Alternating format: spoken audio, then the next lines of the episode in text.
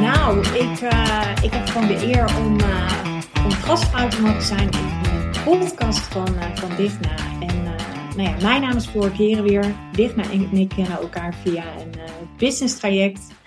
We zijn fijne buddies, we houden elkaar scherp. En ik denk wel dat we allebei dezelfde visie hebben en tegelijkertijd heel complementair zijn aan elkaar. Maar wat ik zo mooi vind aan deze podcast die wij vandaag samen gaan opnemen, is dat ik, uh, ja, ik ga Digna interviewen. Ik, uh, ik was ooit was ik, uh, op, een, uh, op een boekpresentatie van Nienke van der Lek en zij werd daar geïnterviewd door een journalist. En het was zo mooi en ik zag, wauw, dit is dus wat er gebeurt op het moment dat je andere mensen jouw vragen gaan stellen waar je van tevoren niet over hebt nagedacht. Dat is, ja, wat mij betreft, krijg je een heel mooi intuïtief gesprek.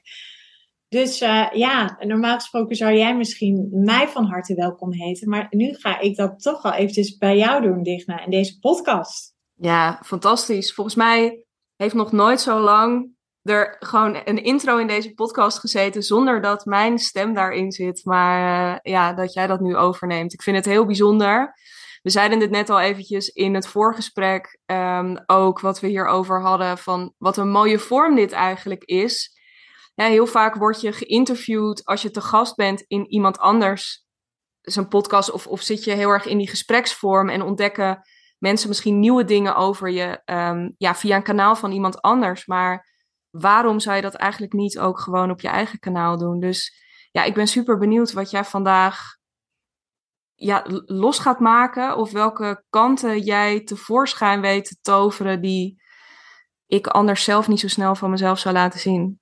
Ik heb er heel veel zin in. Ja, nou ik ook. Ik heb er ook heel veel zin in. En um, ja, dat maakt ook wel dat ik, uh, dat ik eigenlijk gewoon heel erg benieuwd ben naar uh, misschien is dat wel eventjes leuk. Van, en misschien weten je luisteraars het al. Maar uh, ja, wat, wat, wat is zeg maar hetgeen waarvoor jij iedere dag, en ik realiseer me dat deze vraag best groot is, maar jij staat ook met een doel op iedere ochtend. Ik bedoel, ik weet als kennisondernemer vraagt het heel veel van jezelf, want je bent zowel je allerbeste baas als je allerslechtste baas.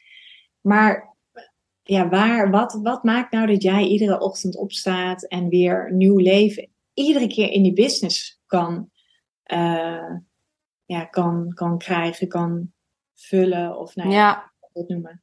Ja, super mooie vraag. En natuurlijk een mega vraag waar we waarschijnlijk alleen al een drie uur podcast mee zouden kunnen vullen. Zeker als we hier allebei ons over zouden gaan uitspreken. Ja, precies. Dus we houden het mooi. Ik zeg altijd tegen mijn eigen klanten short, sweet en powerful. Precies. Nou, ik ga mijn best doen, want dat is over het algemeen uh, powerful is, dat is wel mijn ding, maar short en sweet niet altijd.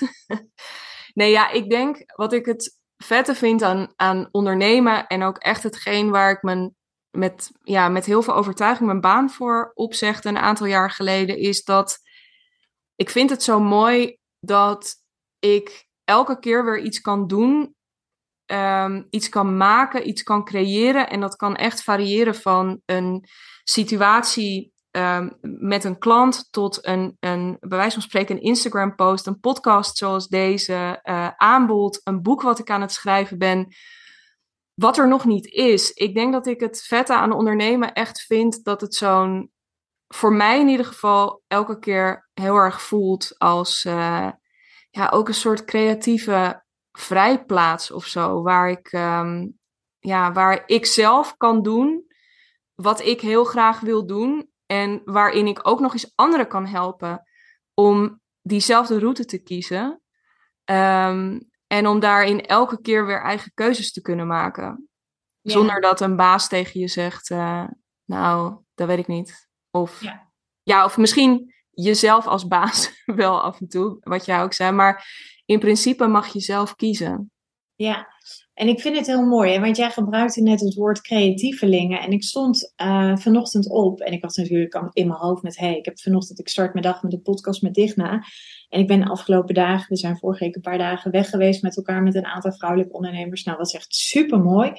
Maar wat mij heel erg bij is gebleven, is dat jij... Ik vind jou uh, nee, ik ga het zo meteen tegen je vertellen. Je zei net die ander. Um, wat bedoel je dan met die andere?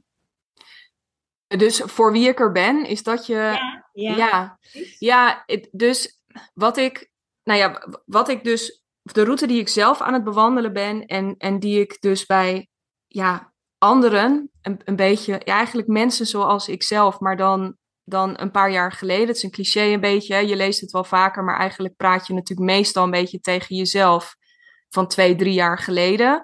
Beetje afhankelijk van wat je doet, maar zeker in de coaching, ontwikkeling, business zit je al snel een beetje in die hoek.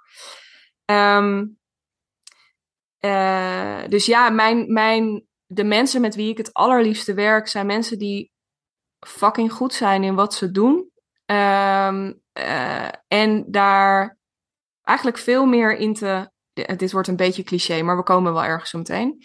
Um, die er veel meer mee zouden kunnen doen dan ze op dit moment doen. Dus die heel erg in dat stramien zitten. En dat is denk ik waar die creativiteit ook weer in terugkomt. Heel erg in dat uurfactuurstramien zitten. Van, oh, je komt binnen en je wordt ingefietst voor probleem X. En als dat dan, ja, als je er zoveel uur gezeten hebt, dan ga je weer weg. Soms zelfs ongeacht of het resultaat wat je met elkaar hebt afgesproken behaald is. Precies. Um, nou, dan heb je je geld verdiend en dan ga je weg. Maar ik geloof gewoon niet, en dat is ook echt, ik bedoel, ik heb denk ik ook net het woord geld nog niet eens. Ja, ik ben ook wel gaan ondernemen omdat ik wist dat ik daar meer geld mee kon verdienen. Maar ik ben het vooral gaan doen omdat ik wist dat het leuker kon, dat het anders kon, dat het, dat het veel meer op mijn manier zou kunnen, dat, dat, ik, er, dat ik iets veel vernieuwenders zou kunnen doen. Um, en dat is dus ook, dat is continu de vraag die ik mezelf stel. En dat is dus ook misschien wel een van de belangrijkste vraagtekens die ik zet bij dat hele uur factuur werken, is in hoeverre, nou ja, eigenlijk is het nog veel scherper. Um, het daagt je gewoon niet uit om creatiever, vernieuwender, innovatiever, impactvoller uh, te worden. Terwijl die potentie er wel in zit. Ja, precies. Ja. Ja, wat ik hoorde jou net ook een keer het woord cliché gebruiken, maar we weten allemaal van clichés. Ik zeg wel, het is misschien wel een cliché, maar clichés waarmaken zijn verdomde lastig. Dus in die zin, ja, het klinkt altijd heel cliché. Um, en, en wat ik ook wel, kijk, want wat ik natuurlijk ook wel een beetje probeer met deze podcast, is ook wel misschien wel jouw ongenuanceerde visie ten aanzien van uurtje factuurtje eruit te krijgen. Ja, ja. Ik heb zelf namelijk ook drie maanden lang als interim, uh, als HR-stratege gewerkt. Ook uurtje factuurtje. Nou, ik ga je straks vertellen hoe dat voelde, wat het me opleverde en uh, ten opzichte van wat ik nu doe. Ja. Maar um, als jij nou als jij je zou mogen uitspreken over wat je daar nu echt van vindt, mm-hmm. wat zou je dan zeggen? Nou ja, er zijn een aantal dingen. Ik denk dat het voor mij allereerst, en dat, dat is gewoon meer die van onder uit mijn buik, is dat ik echt af en toe denk: waarom in godsnaam zou je dat willen? op het moment, nee ja, laat ik het zo zeggen, ik zie veel mensen uurfactuur werken die eerst in loondienst hebben gezeten. Again, heel erg mijn verhaal ook. En ook jouw verhaal volgens mij, waar we dan zo meteen nog even op komen.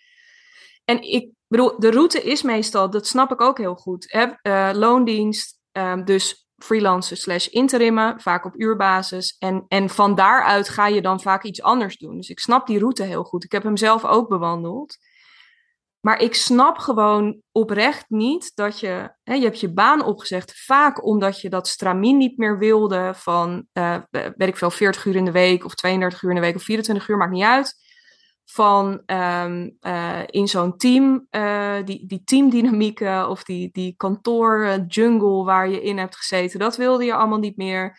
Die eindeloze meetings, die ook gewoon prima, um, ja, that could have been an email, zeg maar, die Um, het is zo'n. Je, gaat, je, hebt, je hebt een spannende stap genomen door de zekerheden van je baan op te zeggen. En dan kies je eigenlijk voor een variatie daarop, waar je qua voorwaarden ook nog slechter af bent. En je verdient vaak wel meer, maar goed, al het risico is ook voor jou. Um, Nee, precies. Dus dit is heel interessant. Dan ben ik dus echt oprecht op zoek naar de drijfveer. Want ik vind het heel interessant, wat je gaf net aan. Um, Nee, nee, wacht. Misschien is dit een mooie stelling. Zou je dan niet kunnen stellen dat uh, als je zeg maar in loondienst werkt en je besluit om ondernemer te worden en je kiest voor uurtje factuurtje, en ik kan het alleen maar zeggen omdat ik het ook zelf zo heb ervaren, heeft dat ook niet nog te maken met um, nog niet helemaal in staat kunnen zijn wat je waarde is. Zeker, ja. Zelfwaarde dus, hè? Ook, ja, heel erg. En ik denk ook, want nou ja, er, er, nou, ik wil een beetje wegblijven van de nuance hierin, maar die is er natuurlijk wel. Ehm, ik denk, het hangt er heel erg van af wat je, ehm, uh, wat je doel daarmee is. Kijk, in mijn ervaring, en dat komt natuurlijk ook omdat ik een beetje, uh, hè, ik, ik, ken, ik ken mijn eigen verhaal, ik ken verhalen zoals die van jou en van andere ondernemers die daar ook mee gestopt zijn. Ik ken de verhalen van mijn klanten die daar ook met veel plezier hè, voor een alternatief kiezen. Um, maar ik, ja, ik denk gewoon dat er een beetje twee uh, stromingen zijn. Ik denk dat er een, een, een, nou ja, de ene helft, waarschijnlijk meer dan de helft, die stopt met ja, de meer loondienstachtige, dus, eh, of, of eh, gaat uit loondienst en begint voor zichzelf, omdat ze, weet ik niet, hun tijd iets beter willen kunnen verspreiden over de week. Ik, ik denk aan, weet ik niet, je bent moeder en, en je hebt ook nog taak, en je wil er gewoon elke middag zijn voor je kinderen en dat lukt niet als je nou ja, een, een strakke baan in loondienst hebt. Ik, ik noem even een paar zijwegen. Um, of je hebt een mantelzorgtaak, of je wil, ja, for whatever reason, wil, wil je gewoon heel graag op een andere manier kunnen werken, flexibeler in tijd. Ehm, maar wat ik heel vaak zie, is dat, ja, dat is leuk. En voor sommigen blijft dat ook heel lang leuk, maar ik geloof gewoon niet dat dat voor het merendeel geldt.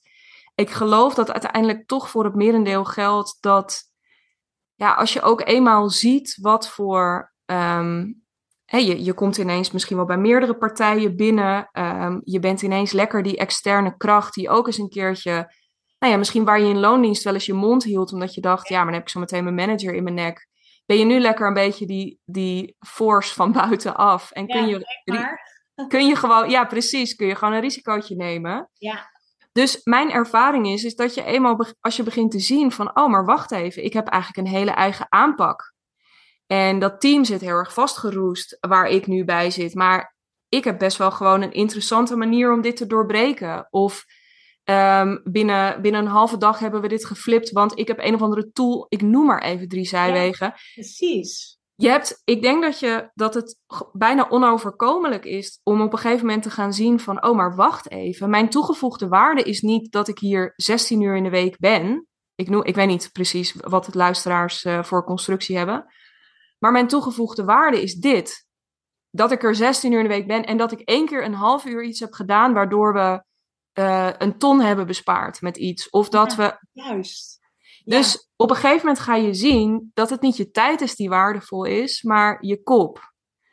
En dat betekent dus niet dat je uitvoerende werken, want dat is ook nog wel eens een misverstand, dat je dan, als je die switch wil maken, dat je dan de switch moet maken bijvoorbeeld van uitvoerend werken naar alleen nog maar een soort de stratege of de consultant zijn. Dat kan. Maar ik geloof er ook best wel in dat je prima um, ook uitvoerend werk kunt blijven doen.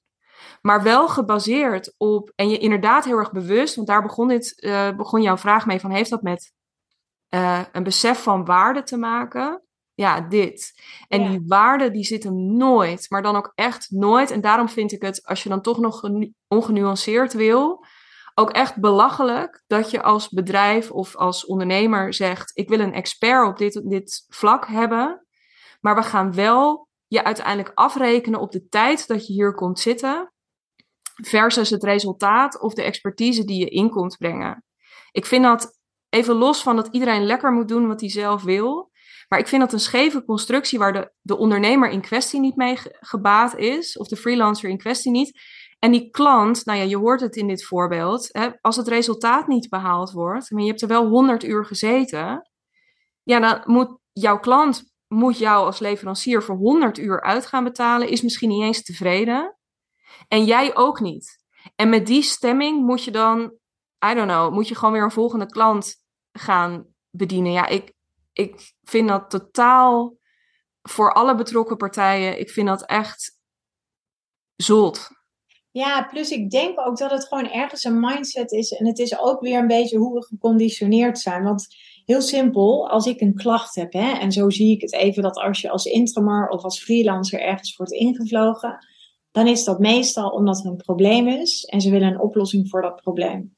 Nou, als ik eh, iets aan mijn hart heb en dan ga ik naar een cardioloog, dan wil ik ook eerst, joh, laten we even een diagnose stellen. En soms is het ook handig om te weten, niet iedereen zegt je moet terugkijken naar het verleden. Nou, ik ben ervan overtuigd, soms kan het heel fijn zijn. Dus je kijkt even terug, waar is het misgegaan, wat komt er? Ben je misschien erfelijk belast? Misschien heb je te veel stress, eet je niet goed? Oké, dan hebben we een diagnose gesteld. En dan gaan we naar een resultaat toe werken. Dus je maakt er een plan voor. Ja. En dan kun je twee routes kiezen wat mij betreft. Je kunt zeggen, oké, we gaan jou betalen voor al die uren die jij erin steekt om dat resultaat te bereiken. Maar ik denk, nee, laten we eens omdraaien. Natuurlijk gaan we die route bewandelen, maar laten we even een afspraak maken dat jullie mij gaan betalen voor het resultaat wat ik ga leveren. Want ik weet dat het me gaat lukken. En dan krijg je ook een, ik denk dat je dan nog meer motivatie krijgt. Uh, plus iets wat niet tastbaar is, kun je absoluut, daar kun je een, een prijs aan koppelen. Maar dat zijn we niet gewend. Nee. We koppelen wel een prijs aan een auto. Ja. Hè, die kost voor 40.000 euro en er zitten zoveel werkuren in en noem maar op. Maar dat doen we niet voor dingen die zeg maar uh, een beetje in de coachings, trainers, consultancy, HR, nou alles nou ja, maar maar op heel weinig. Want zelfs ook als het om, ik noem maar eventjes, als het om software development gaat, als het om uh, uh, juridische zaken gaat, als het om uh, events, recruitment, um, webdesign, I don't know. Het wordt echt overal, het wordt al snel hierop afgerekend. En wat je dan krijgt, en dat vind ik denk ik de meest kwalijke zaak die je ook zowel ook weer aan beide kanten niet moet willen hebben. Dat is er net een beetje wat jij schetst ook. Is, uh, jij begon je verhaal met, weet je, ja, vaak word je dan binnengehaald op het moment dat er een probleem is. Ja, en wat er gebeurt op het moment dat je je uh, ja, toch een beetje laat inhuren op. Uh, nee, laat ik beginnen bij het begin daarin. Um, op het moment dat, dat zoiets urgent is, dan wordt er dus al snel gedacht van oké jongens, nou we gaan iemand binnenhalen. Oké, check. Uh, we hebben iemand binnengehaald. We gaan er iets aan doen. Oké, fijn. Uh, en ineens ben je allemaal dingen aan het doen. Dit gebeurt veel hè. Echt nog te veel ook. Zonder hele heldere doelstellingen. Dus inderdaad, um, die oplossing ergens. Um, daar heeft dat bedrijf nog niet heel erg over nagedacht. Maar dat is dan weer jouw verantwoordelijkheid als ondernemer om daarmee te komen. maar dat doe je als freelancer. Precies, maar dat doe je als freelancer vaak niet. Dan is het of wel een beetje, maar te weinig wat mij betreft. Omdat je dan toch weer komt in, ja, hoeveel uur gaat je dat ongeveer kosten? Ja, lekker boeien, um, denk ik dan. Uh, of het nou twee uur of honderd uur kost. Uh, als je het eindpunt in zicht hebt en gewoon de, de mijlpalen onderweg, dan ga je gewoon, dan ga je aan de slag. Precies. Maar en wat je krijgt is, sorry, dat, dat punt wil, want het, wat er zo lelijk aan is, is dat er dus ook iets ontstaat als wij hebben een probleem, wij vliegen iemand in en daar, daar gooien we het bij over de schutting, waarmee de verantwoordelijkheid um, door de, ja, het, de, het bedrijf in kwestie of de ondernemer in kwestie eigenlijk bij die freelancer wordt neergelegd. En dat klopt ook wel, want de transactie is dat er geld betaald wordt voordat iemand iets gaat doen. Precies. Maar wat je wil is, of wat, nee, wat gewoon een feit is, is dat je een gemeenschappelijk belang hebt in die kwestie. En je gemeenschappelijke belang is dat het opgelost wordt, omdat de organisatie of de ondernemer daar beter van wordt. En de freelancer daar uiteindelijk um, gewoon kan doen wat hij het allerliefste doet op het allerhoogste niveau. En door de, als continu die verhouding blijft, ja, wij hebben een probleem. Beetje, ik zie dan continu een beetje zo'n uh, uh, koning-lakij verhouding. Die is niet goed. Nee. Want je hebt als je, uh, en daar heb je als lakij zijnde, dus als freelancer, een verantwoordelijkheid in te nemen. Er is niemand die jou in principe dit gaat geven. Daar heb je zelf stappen in te ondernemen. Zijn we weer terug bij die eigenwaarde. Um, maar goed, aan de andere kant, want dat hoor ik ook nog wel regelmatig, van ja, maar uh, dan is ze zien me aankomen zometeen bij zo'n bedrijf. Als ik zeg dat, dat ik niet meer op uur, hè, of, of dat ik überhaupt niet op uurbasis werk, dat zijn ze helemaal niet gewend. En hoe moet ik het dan verkopen? En nou ja, door dus te laten zien en ook de rekensommen te maken. Ja, en echt duidelijk te maken, dit is gewoon wat je wil, want dit is wat ik je kon brengen. Ja. Dit is, en... Precies, precies dat. Dus jij hebt het ook heel erg over, want dat vind ik heel erg mooi. Daar ga ik zelf ook altijd op aan. En ik denk, volgens mij is het daarom supergoed als freelancers met jou gaan werken. Want net als kijk, jij en ik verkopen ook een perspectief. Mhm. En het is ook aan jou, denk ik, als freelancer, om dat te laten zien. Maar volgens mij zijn er heel veel stappen die worden overgeslagen. Althans, ik heb dat zo zelf ook ervaren toen ik interim werk deed. Ja, er is gewoon een probleem. En jij gaat gewoon beginnen. Ja, Maar waar vind je elkaar in die tijd? En waar werk je naartoe? En wat is het doel? En wat is het resultaat dat jij uiteindelijk verkoopt? ja, Waar jij gewoon knijter goed in bent. En waarvan je niet zegt van nee, weet je, ik ga 150 euro per uur krijgen. Nee, weet je, op basis van de ervaring die ik heb, zie ik dit voor me. Gaan Ja. we weten vier maanden met elkaar werken of ik heb een fantastisch mooi traject. En onderaan de streep is dat gewoon 50.000 euro. ja, En als je het dan bijvoorbeeld hebt over, stel je lost verzuim op in een organisatie. Nou, we weten allemaal inmiddels dat één zieke medewerker kost een organisatie minimaal, nou ja, anderhalve ton ja, Ja. dan is 50.000 euro, als jij dat probleem nu en voor in de toekomst gaat oplossen, dat jij daar een fantastische methodiek of wat dan ook voor, dat is een no-brainer. ja, Dus Ja. het zit hem ook heel erg in, hoe verkoop je het dan? ja, En je verkoopt niet een traject, je verkoopt niet je uren, nee, je Nee. verkoopt uiteindelijk eh, het resultaat. ja, En daarvoor, ik vind ook echt, en, en dat is voor mij nog meer gericht op vrouwen, heeft alles te maken met laat je betalen voor je waarde. Heel simpel. Stel dat jij in jouw traject met jouw klanten ehm, ineens besluit van de een op de andere dag door Foxer support te geven. Nou, Foxer support hè, kennen we, is een audio, maar voor luisteraars. Ja. Een soort audiobericht, soort WhatsApp. En dan zou je dus zeg maar de coach of de expert dagelijks vragen kunnen stellen. Dat zou zomaar kunnen dat daarmee jouw traject met eh, een waarde van 10.000 euro wordt verhoogd. ja, ja, En maar dat is, ik vind ook echt dat we dat nog veel meer mogen markeren. ja. Hoe Ja, en belangrijk dat is. dit is inderdaad, want dit is dus, moet je nagaan, inderdaad al een, een manier van denken die zelfs als je van uurfactuur al heel lang af bent, nog steeds best een ingewikkelde kan zijn. Omdat je brein al heel snel met je aan de haal gaat van nou, nou, ja, maar, weet je, en zeker als je eh, brein analytisch goed werkt, en dat doet het waarschijnlijk, nou bij ons, hè, hebben we het ook vaak over, sowieso, maar juist ook als je expert bent en heel goed bent in je vak, is die kans ook heel groot. Dus er zijn eindeloos veel bezwaren altijd om het, ehm, om het niet te doen. Maar het loont. Ja, het loont echt. En, en hier zit dus, ik, ik denk dat dit een mooi voorbeeld is ook waarop, ik zeg dat ook altijd tegen klanten, van het is, het is een interne shift die je te maken hebt ook, omdat de hardnekkigheid van een heleboel dingen, maar laten we het even gewoon terugbrengen, nu in eerste instantie het, het uurtjesdenken van dit is gewoon waar we voor beloond worden. Uren aanwezigheid op school in eerste instantie. Uh, dan aanwezigheidsuren op de universiteit. Er zitten natuurlijk allemaal goede redenen ook achter, hè? don't get me wrong. Uh, vervolgens kom je zoveel uur werken en dan krijg je dan zoveel salaris voor en zo. Dus het zit heel erg verweven in alles. Het is een hele hardnekkige manier van denken die je inderdaad niet zo uitdaagt om kritischer te zijn op wat er nog meer mogelijk is. En dat is denk ik net een vraag die ik gewoon altijd de mooiste vraag van allemaal vind. Wat is er nog meer mogelijk? Even los van of dat altijd gaat over geld verdienen of over uh, al dat soort dingen. Um, dit is wel waar dingen leuker worden en beter. Um, dus ik vind het belangrijk, ja, dat om een situatie te creëren waarin mensen zichzelf die vraag gaan stellen. Ja. Ja. ja, en wat ik ook heel erg hoor bij jou, en dat is natuurlijk ook wat ik zie, en ik ken je natuurlijk inmiddels ook goed, maar um, ergens vind ik het, ben ik heel erg verbaasd over het feit dat heel veel uh, freelancers nog niet op deze manier denken.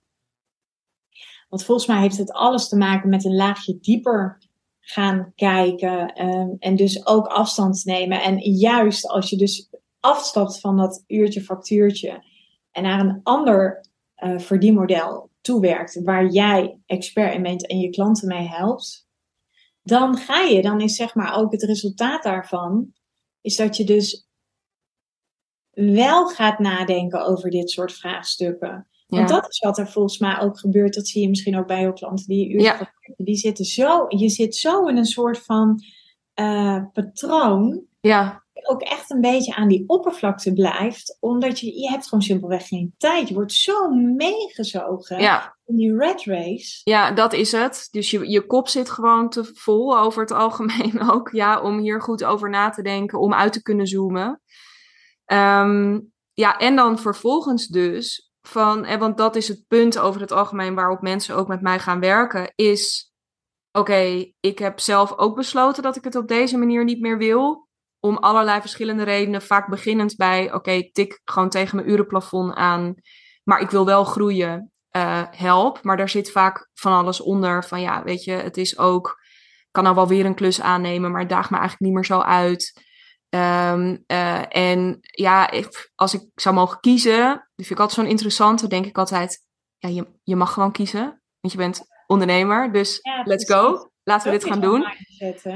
Maar dus de, de, de redenen zijn, ehm, eh, zijn wel verschillend, maar vaak is in ieder geval dat besef er al wel van, ik wil het, eh, ik wil het anders. Maar er is nog weer, dus in mijn bub nog steeds heb ik het idee dat, en daar begin ik steeds meer achter te komen nu, is dat er is nog een hele groep die inderdaad dit gewoon doet, omdat er überhaupt nog geen perspectief in hun referentiekader zit. Het is gewoon, je bent in loondienst of je werkt voor jezelf.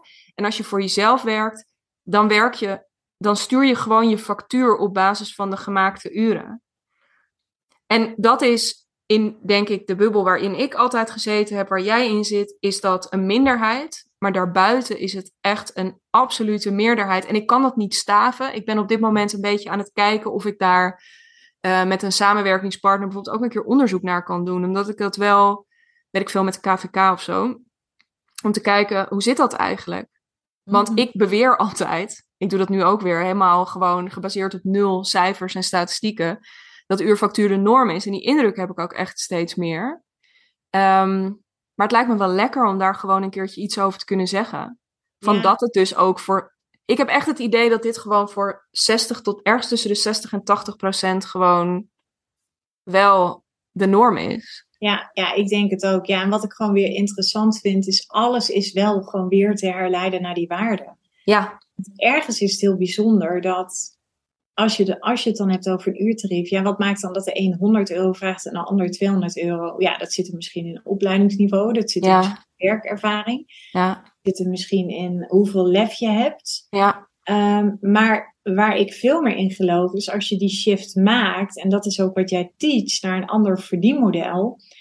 eh, je helpt niet alleen jezelf als ondernemer, maar je kunt dus ook nog eens ehm, meerdere klanten tegelijk helpen. ja. Op een betere manier, hè? Ook nog op een. Dus Ja. zie je nog Ripple. Ja, Ripple. Ja, Hè, dat, dat is ook een beetje een soort van modewoord inmiddels. En ik wil ja maar heel graag wegblijven van modewoorden, maar soms ontkom ik er niet aan. Maar je ziet dus wat, wat de impact daarvan is. Dus als je al meerdere klanten tegelijk kan helpen. ja, Want wat- Ontzettend. En stel dat je, want die heb ik ook nog wel. Stel dat je, want heel vaak wordt er gedacht aan, oh, ik wil het anders doen, want ik wil meer klanten kunnen helpen. Ehm, je kunt natuurlijk ook heel goed voor een andere manier van werken kiezen en minder klanten gaan helpen, maar dan wel echt veel gekkere, grotere, te gekkere resultaten met ze gaan halen. Ehm, hè, want eh, het gaat vaak natuurlijk ook een beetje over groeien, over opschalen. En als freelancer gewoon met een uurtarief zit je op verschillende manieren op een gegeven moment tegen je plafond. Ook qua plezier, en da- daar hadden we het natuurlijk net over. Maar ook echt wel qua, ehm, qua impact. En op het moment dat je durft te kiezen voor, ja, en daar gaat het toch vaak over. En dan hoef je nog niet eens echt heel gek te gaan nichen of zo. Maar als jij echt voor helemaal voor jezelf kan gaan staan en dat je kan zeggen, mijn aanpak gaat jou hoe dan ook van A naar B brengen. En bij B wachten deze ehm, resultaten op je. Of dit ene fantastische resultaat. Ja, hoe mooi. En dat je daar dan verder bijvoorbeeld, ehm, eh, I don't know, eh, gratis content weer over gaat maken. Waardoor je toch, waardoor je je geld verdient met, of over gaat spreken, omdat het heel bijzonder is. Of over ik denk ook echt dat, je, dat er op een gegeven moment een punt komt waarop je, ja, dit klinkt een beetje dramatisch, maar dat je bijna, als je echt goed bent in wat je doet en als je echt iets kan betekenen, waarschijnlijk ben je gepassioneerd over je vak. Want anders was je sowieso niet, dan was je wel gewoon een beetje in loondienst. En er, is- don't get me wrong, er is echt niks mis met loondienst, maar je bent eruit gegaan omdat je dat niet wilde. Ga er dan ook echt iets mee. Weet je, als je iets kunt veranderen of zo hierin. Uh, het heeft bij mij ook even geduurd voordat ik merkte dat ik hier heel gepassioneerd over ben. Maar als je ergens iets in kunt veranderen, doe het dan. Ja. Ga, kies voor hele hoge kwaliteit en ga dat, breek iets open voor jezelf, voor je klanten, voor je vakgenoten die na jou komen en misschien ook al wel denken, oh, het moet toch anders kunnen, maar ik zie het echt niet. Ehm, ja, neem die verantwoordelijkheid ergens ook. Ja, precies. En dat vind ik ook heel interessant. Want het eerste wat in mij opkomt is denk ik van, nou, voor ons is het klip en klaar. Hè? Die shift, die kun je maken. Er zijn, bedoel, ik ben notabene nu met een expert in, in gesprek die precies weet hoe je die shift maakt. Um, maar we weten allemaal, hè, heel simpel. Ik bedoel, als ik uh, veel te zwaar ben, ik kan iedere dag als ik wil, kan ik gratis sporten. Ik zet YouTube aan en ik kan het doen. Maar ja, ik doe het niet. Want ja, uh, super makkelijk om met jezelf te onderhandelen. Hè? Of nog even te zeggen, nou, ik ga het nog even proberen. Of ik stel het nog even uit. In die end, we doen het niet. Omdat we gewoon onszelf niet kunnen helpen. En tegelijkertijd denk ik, ja, het is super simpel dat het makkelijk is. Het is echt niet altijd makkelijk, dat klopt.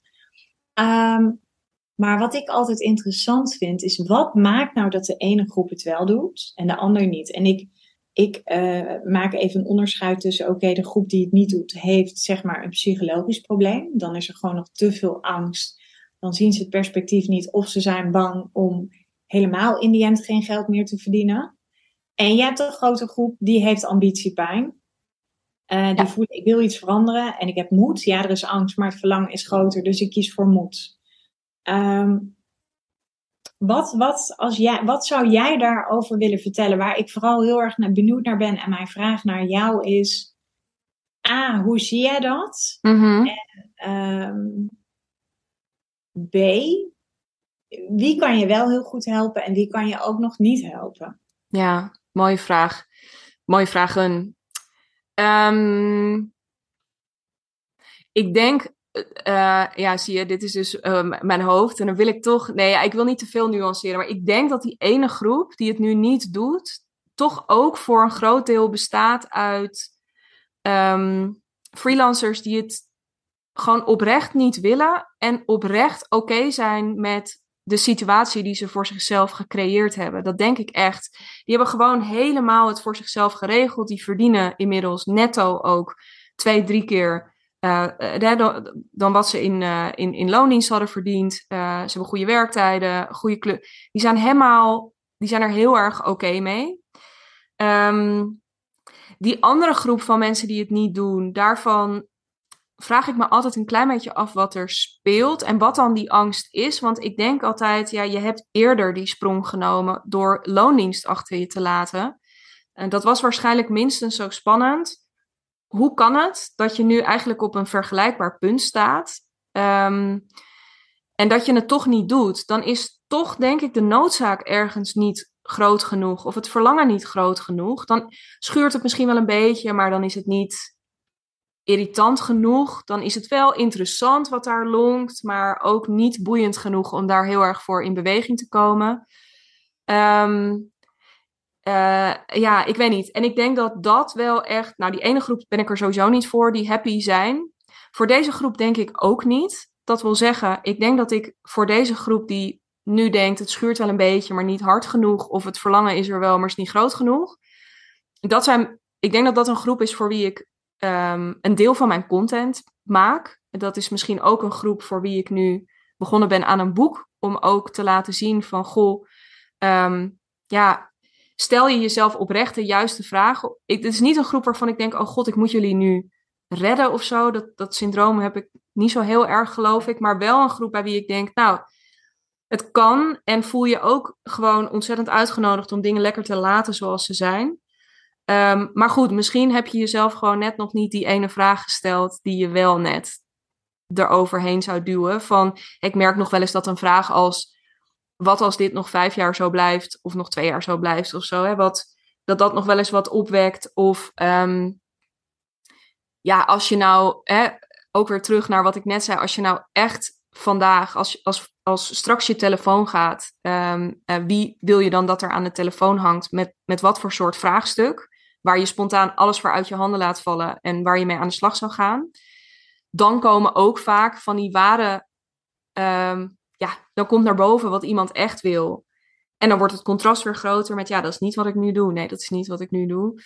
Um, waardoor zo'n balletje gaat rollen. Maar dat is ook niet, daar zie ik een rol voor mijn content in weggelegd, maar daar zie ik niet per se, uh, dat zijn niet de mensen die bij mij aankloppen uiteindelijk nee. voor coaching. Want ja, nee. to be ook daarin gewoon even, ja, mijn uh, tarieven zijn, ja, alles is relatief. Maar ja, het is niet alsof je een brood afrekent bij de bakker, zeg ik ook vaak in, uh, in een sales call. Ja, ik snap wel dat het, het kost wel gewoon serieus geld om met mij te werken. Dat, en een deel van de verantwoordelijkheid, nogmaals, ligt bij mij om ook te laten zien wat het perspectief is van het wel of niet doen. Um, maar ergens moet er ook, dat merk ik ook, de klanten die bij mij komen, zitten al wel echt op dat punt dat ze zelf zien. Nee, ja, er is. Ik, ik weet dat het. Ik wil het ook echt oprecht heel graag anders. Maar ik weet niet hoe. En voor die hoe komen ze bij mij. Precies. En als ik het even. Ik ga wel even uh, ongenuanceerd ja? zijn ik geloof echt de klanten die bij jou komen, uh, die het wel doen en de klanten die het niet doen, dat weerspiegelt precies of iemand een echte ondernemer is en hart en nieren of niet. Ja. Want als je namelijk voor freelance blijft kiezen op basis van uurtje factuurtje, uh, ja, weet je, dan, uh, ik, ik geloof niet dat het vervulling geeft. En ik denk dat het gewoon een soort van, um, het idee was: oké, okay, weet je, ik heb geen zin meer om een loondienst te werken. Ik, ik, weet dat ik meer kan verdienen. Ik ga hiermee door. Het is hartstikke fantastisch. Maar als je een echte ondernemer bent, een echte ondernemer, dan, uh, ja, dan, dan, dan durf je die shift te maken. Maar dit is interessant, hè? Want dit is dus. Ik, maar, en, en daarom ben ik er oké, want ik geloof ook niet dat iedereen dat is ik geloof oprecht dat er gewoon een hele groep is die echt om een aantal vrij praktische redenen, uh, of ook per ongeluk, hè, sommige mensen zijn per ongeluk freelancer geworden omdat de enige manier om bij een organisatie binnen te komen was als freelancer, hebben een KVK-nummer aangevraagd en waren toen ineens per ongeluk freelancer. Die heb je ook en die hebben helemaal niet. Die, die zijn dat nooit gaan doen, omdat die drive eronder zit van iets van zichzelf bouwen uh, een, een, eigen uh, visie of een eigen um, een methode ontwikkelen op het een of het ander. Daar was nooit, daar zat dat, of hè, om, om uh, te gaan spreken voor groepen, of ik noem maar even. Die, er is een hele groep voor wie dat inderdaad niet geldt, maar voor die groep, ja, voor die groep ben ik er niet. Ik ben voor de groep, ik heb laatst toevallig inderdaad een van de laatste klanten die um, ja zei tegen me, die zei ook, weet je, met alles waar ik de laatste tijd ook persoonlijk aan gewerkt heb, is dit ja, wil ik dat nu heel graag gaan vertalen in mijn bedrijf. En ik heb gewoon zin om echt te gaan ondernemen. En um, dat betekent voor iedereen iets anders, dat realiseer ik me. Maar daarvan wist ik al meteen toen ik zijn vragenlijst las: van ja, wij gaan dus, ik, ja, wij gaan samenwerken. Ik had nog geen ja. precies. Maar ik precies, wist dat. Maar dat is wat mij betreft ook ondernemen. Kijk, freelancen, dan word je nog, ben je nog steeds een beetje de, de marionettenpop, zeg maar. Hè? Ja. Jij, jij bepaalt uiteindelijk niet. Jij bepaalt nee. de koers. En ik geloof er heel erg in. Oké, okay, je bent ondernemer. Je hebt een unieke expertise. Je hebt een netwerk. Je bent ergens hartstikke goed in. Dat kun je vertalen naar een concept, naar een verdienmodel. Waar ja. jij je klanten bij helpt. Ja. Um, en, en tuurlijk weet je de wijze waarop je dat verkoopt. Hoe je dat gaat vermarkten. Wat het resultaat is dat je verkoopt. Wie je ideale klanten zijn. Al dat soort dingen. Daar help jij je klanten bij. Ja. Maar het begint wel met de keuze maken. Want ondernemen, ja, het woord zegt het al, betekent dat jij onderneemt. Ja. En het, jij laat het dus niet over aan de ander. Nee, nee, nee. En dat is inderdaad, dat is ook denk ik belangrijk om, en dat weten, dat, dat geldt ook eigenlijk voor niemand die bij mij aanklopt. Maar het is dus ook niet zo dat ik ineens een soort toverstaf voor je heb. Waar het ook daarin dus weer, we eerder hadden we het over die ergens binnengevlogen, eh, ingevlogen worden en dat er dan een hoop bij jou over de schutting geflikkerd wordt. In plaats van een gelijkwaardige relatie waar je een gemeenschappelijk belang in hebt. Precies. Ja, dat gemeenschappelijke belang zie ik heel erg in elke samenwerking die ik heb. Maar uiteindelijk um, ben ik er om je, nou ja, de juiste vragen te stellen um, de juiste acties te formuleren, om je daar accountable op te houden, om eerlijk tegen je te zijn, om, weet je, een aantal dingen met heel mijn hart en ziel te doen. Um, maar het is jouw bedrijf uiteindelijk. En ik maak niet zelden mee dat iemand dus ineens op maandag of op donderdag of wanneer dan ook zegt: Nou, ik heb nu, ik weet dat we dit van plan waren, maar met al die dingen die er nu in elkaar aan het klikken zijn, volgens mij is dit het. En dan is het nog niet eens de vraag of dat een route was geweest, per se altijd, die ik had, had gekozen. Maar nee, en als ik echt daar mijn twijfels bij heb, dan spreek ik die uit. Maar als ik denk, oh ja, ja, super. Wat, wat grappig dat nu al die vijf, zes dingen, dat dat allemaal nu in elkaar klikt. Ja, let's go. En laten we dus ook weer gaan kijken hoe. Hoe ik je er nu bij kan helpen om het, ja, om het echt te gaan doen. Ja, daar wordt het heel leuk. Maar het is jouw bedrijf. Ja. En wat ik ook wel weer heel interessant vind, dat we hebben best wel ook wel in, op de inhoud gezeten. En ik vind dit super interessant, omdat ik hier nog zoveel potentieel zie. Uh, en, en ik denk dat dit ook gewoon iets is. Um, het is het water waarin wij met z'n allen hebben leren zwemmen. Ja. En op, het, op een gegeven moment, als je de kleur van dat water gaat veranderen, uh, nou, dan ga je zien wat we misschien niet zagen, maar wat er wel altijd was. Dus ja. mogelijkheden, volgens mij zijn mogelijkheden altijd oneindig. Maar um, ik ken niet zo, zo heel veel ondernemers die dit um, doen in de markt. Um, wat en wat maakt het dan, en dat is, dat is een beetje, misschien is dat ook wel een, niet een hele makkelijke vraag. Maar, maar wat maakt het dan, hoe weten mensen dan dat ze bij jou moeten zijn? Hmm. Nou, ik denk dat mensen op dit moment nog niet goed genoeg weten dat ze bij mij moeten zijn. Dat dat echt ook zonder meteen op een soort domper te willen beginnen. Maar ik denk dat daarin op dit moment echt mijn.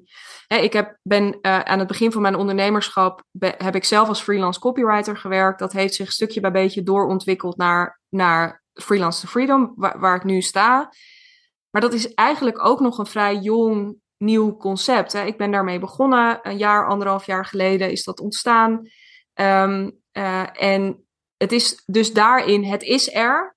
En het is, nou ja, weet je, um, uh, ik ben blij, uh, mijn klanten zijn blij. En het, ik vind het, ja, ik ben, het is fantastisch hoe dat, hoe dat allemaal op zijn plek gevallen is. En ik ben daarin ook, um, uh, ja, ik ben daarin ook weer opnieuw, mijn, hè, als freelance copywriter. En toen ik nog helemaal op dat stuk copy en content zat, toen ik daar mijn trainingen en mijn cursussen in ging ontwikkelen. Um, daar had ik best wel mijn, op een gegeven moment mijn, mijn ding ingevonden, mijn draai ingevonden ook. En dat is er echt eentje die ik sinds een jaar, denk ik, weer opnieuw aan het. Um, mijn positionering dus eigenlijk opnieuw aan het vormgeven ben. Waarbij ik specifiek de afgelopen maanden ineens dacht. Ja, maar wat zit ik nou toch nog steeds de hele tijd op Instagram te, ja, een beetje te klooien voor mijn gevoel. Terwijl mijn klanten volgens mij allemaal op LinkedIn zitten. Dus toen heb ik die switch gemaakt. En nu merk ik, ja, dat loopt best wel lekker ook. Maar dat is wel weer, je bent weer een nieuw publiek aan het opbouwen. Je bent weer helemaal, het geeft me een hele fijne, het voelt af en toe een beetje als, ja, dat je een soort nieuw podium ergens voor ontdekt. De zaal zit nog niet helemaal vol zo, maar je kan lekker gewoon een be beetje try-out of zo met je, ja. met je boodschap en de... Dus dat ben ik nu volop aan het doen. Ook een beetje kijken wat daar dan aan reacties komt. En daar rollen ook klanten uit trouwens. Dat is ook echt niet, ik doe mezelf tekort als ik zeg dat het alleen maar een soort experiment en probeersel is. Maar ik leer daar heel veel van. En ik merk nu, ik zit een beetje in de fase van, nou, ja, misschien een beetje dat bewust onbekwame of zo. Dat je merkt, oké, ik heb iets te pakken ik voel het meer dan ooit. Dat wat jij ook zegt, er zitten te weinig mensen heel expliciet op dit onderwerp. Ik wil dat heel graag pakken. Um, ik zie ook de potentie ervan. En nu nog, um, gewoon door ook in beweging te zijn, dat steeds scherper formuleren, steeds beter op de radar weten te komen van mensen, steeds beter die plekken ontdekken, online en offline. Waar zitten ze? Waar ze. Dus waar zit ja, mijn. Ja, ik denk echt dat er honderdduizenden mensen in Nederland rondlopen. Nou, laten we het even op tienduizenden mensen houden. Die voor wie mijn verhaal relevant is. Ja. En dat inzicht is vrij vers nog. Ehm, en dat vind ik leuk. Want nu komt voor mij het stuk, nou eigenlijk dus terugkomend op jouw vraag van hoe, hoe weten ze dan dat ze bij jou moeten zijn? Ja, dat, dat is nu aan mij. Ik, door steeds meer te gast te zijn in uh, podcasts bijvoorbeeld. Ik ben de komende tijd een aantal keer te gast in een podcast. Door mee te werken aan artikelen. Door ja, mezelf dus echt op dit stuk meer en meer als expert te positioneren. Ja, maar ik zie voor jou ook nog wel een column weggelegd. In, ja. Joh, hoe vet zou het zijn als je een keer een artikel zou kunnen schrijven in het FD Magazine? ja. Super tof magazine. Ja. Ja. Uh, dat, maar ook gewoon, uh, weet je, ik wil je bij uh, Eva Jinek aan tafel zien. Ja. Want dit, dit, waar dit allemaal te maken heeft, en dat is denk ik ook wel de collectieve transitie waarin we zitten. Hè? Dat zie je nu heel erg relationeel, zeg maar, op het gebied van de liefde. Dat mensen heel erg zich afvragen van, oké, het bedachte concept ooit vanuit de kerk, hè, zonder een oordeel te hebben ja. de kerk, is uh, huisje, boompje, beestje en ze leefde langer gelukkig. Nou, ik denk met, met de ontwikkeling van de mens dat daar ook nog andere mogelijkheden zijn. Maar je ziet het dus ook in, uh, ja, mensen hebben geen zin meer om, om zeg maar altijd voor een baas te werken.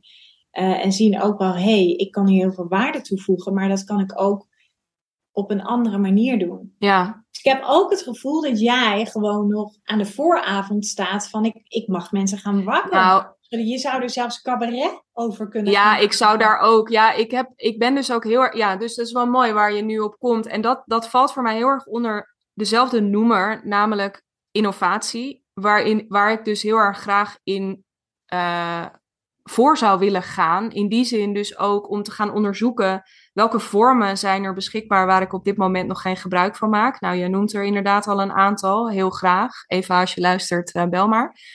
Um, deze ook opsturen hè, naar. Uh... Ja, zeker. Oh ja, dat is wel uh, die snippet hieruit.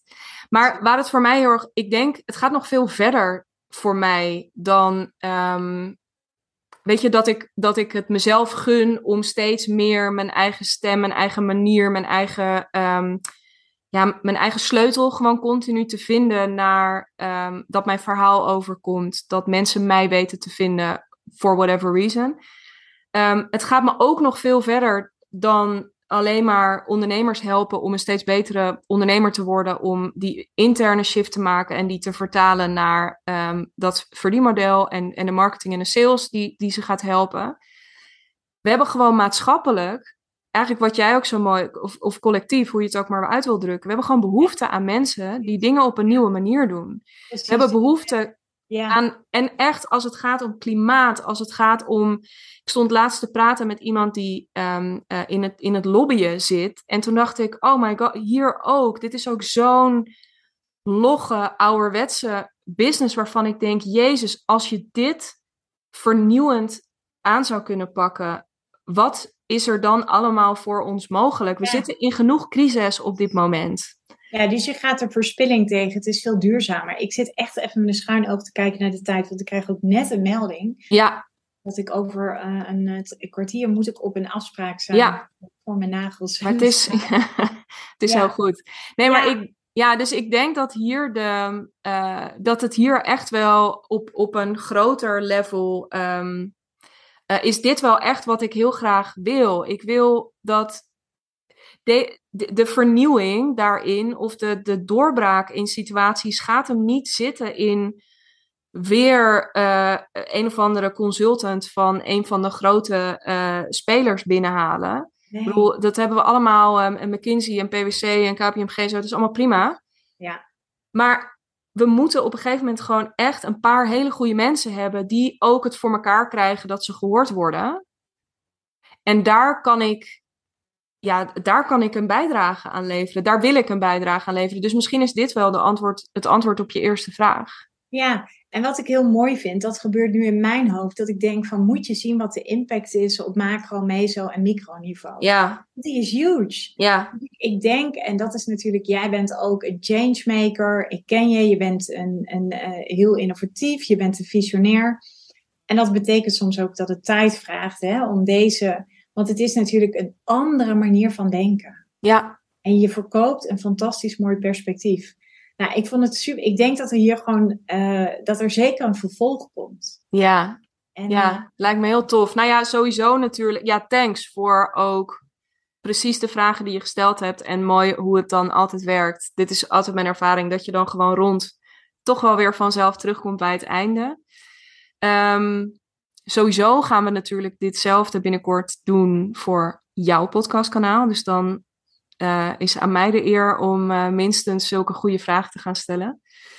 Uh, bij deze ligt de lat hoog. Dus dat is, dat is heel tof. Ja, absoluut. Laten we gewoon over um, een kwartaal of over een half jaar gewoon eens even een soort um, weet je nog? En, en waar staan we inmiddels episode opnemen? Lijkt ja. me heel mooi.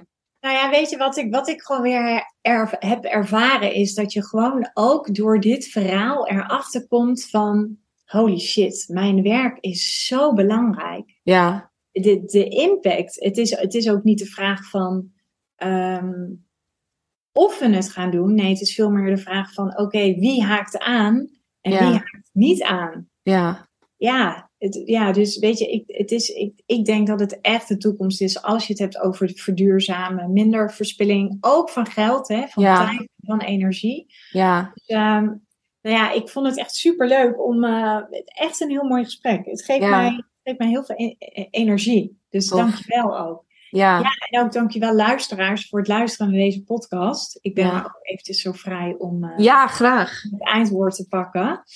Uh, en misschien wil jij zo nog iets toevoegen hoor. Ik bedoel, uh, maar ik wil in ieder geval jullie bedanken voor, voor het luisteren. En um, ja, ik kan alleen maar zeggen van ik denk dat het gewoon dat deze podcast vol met waarde zit.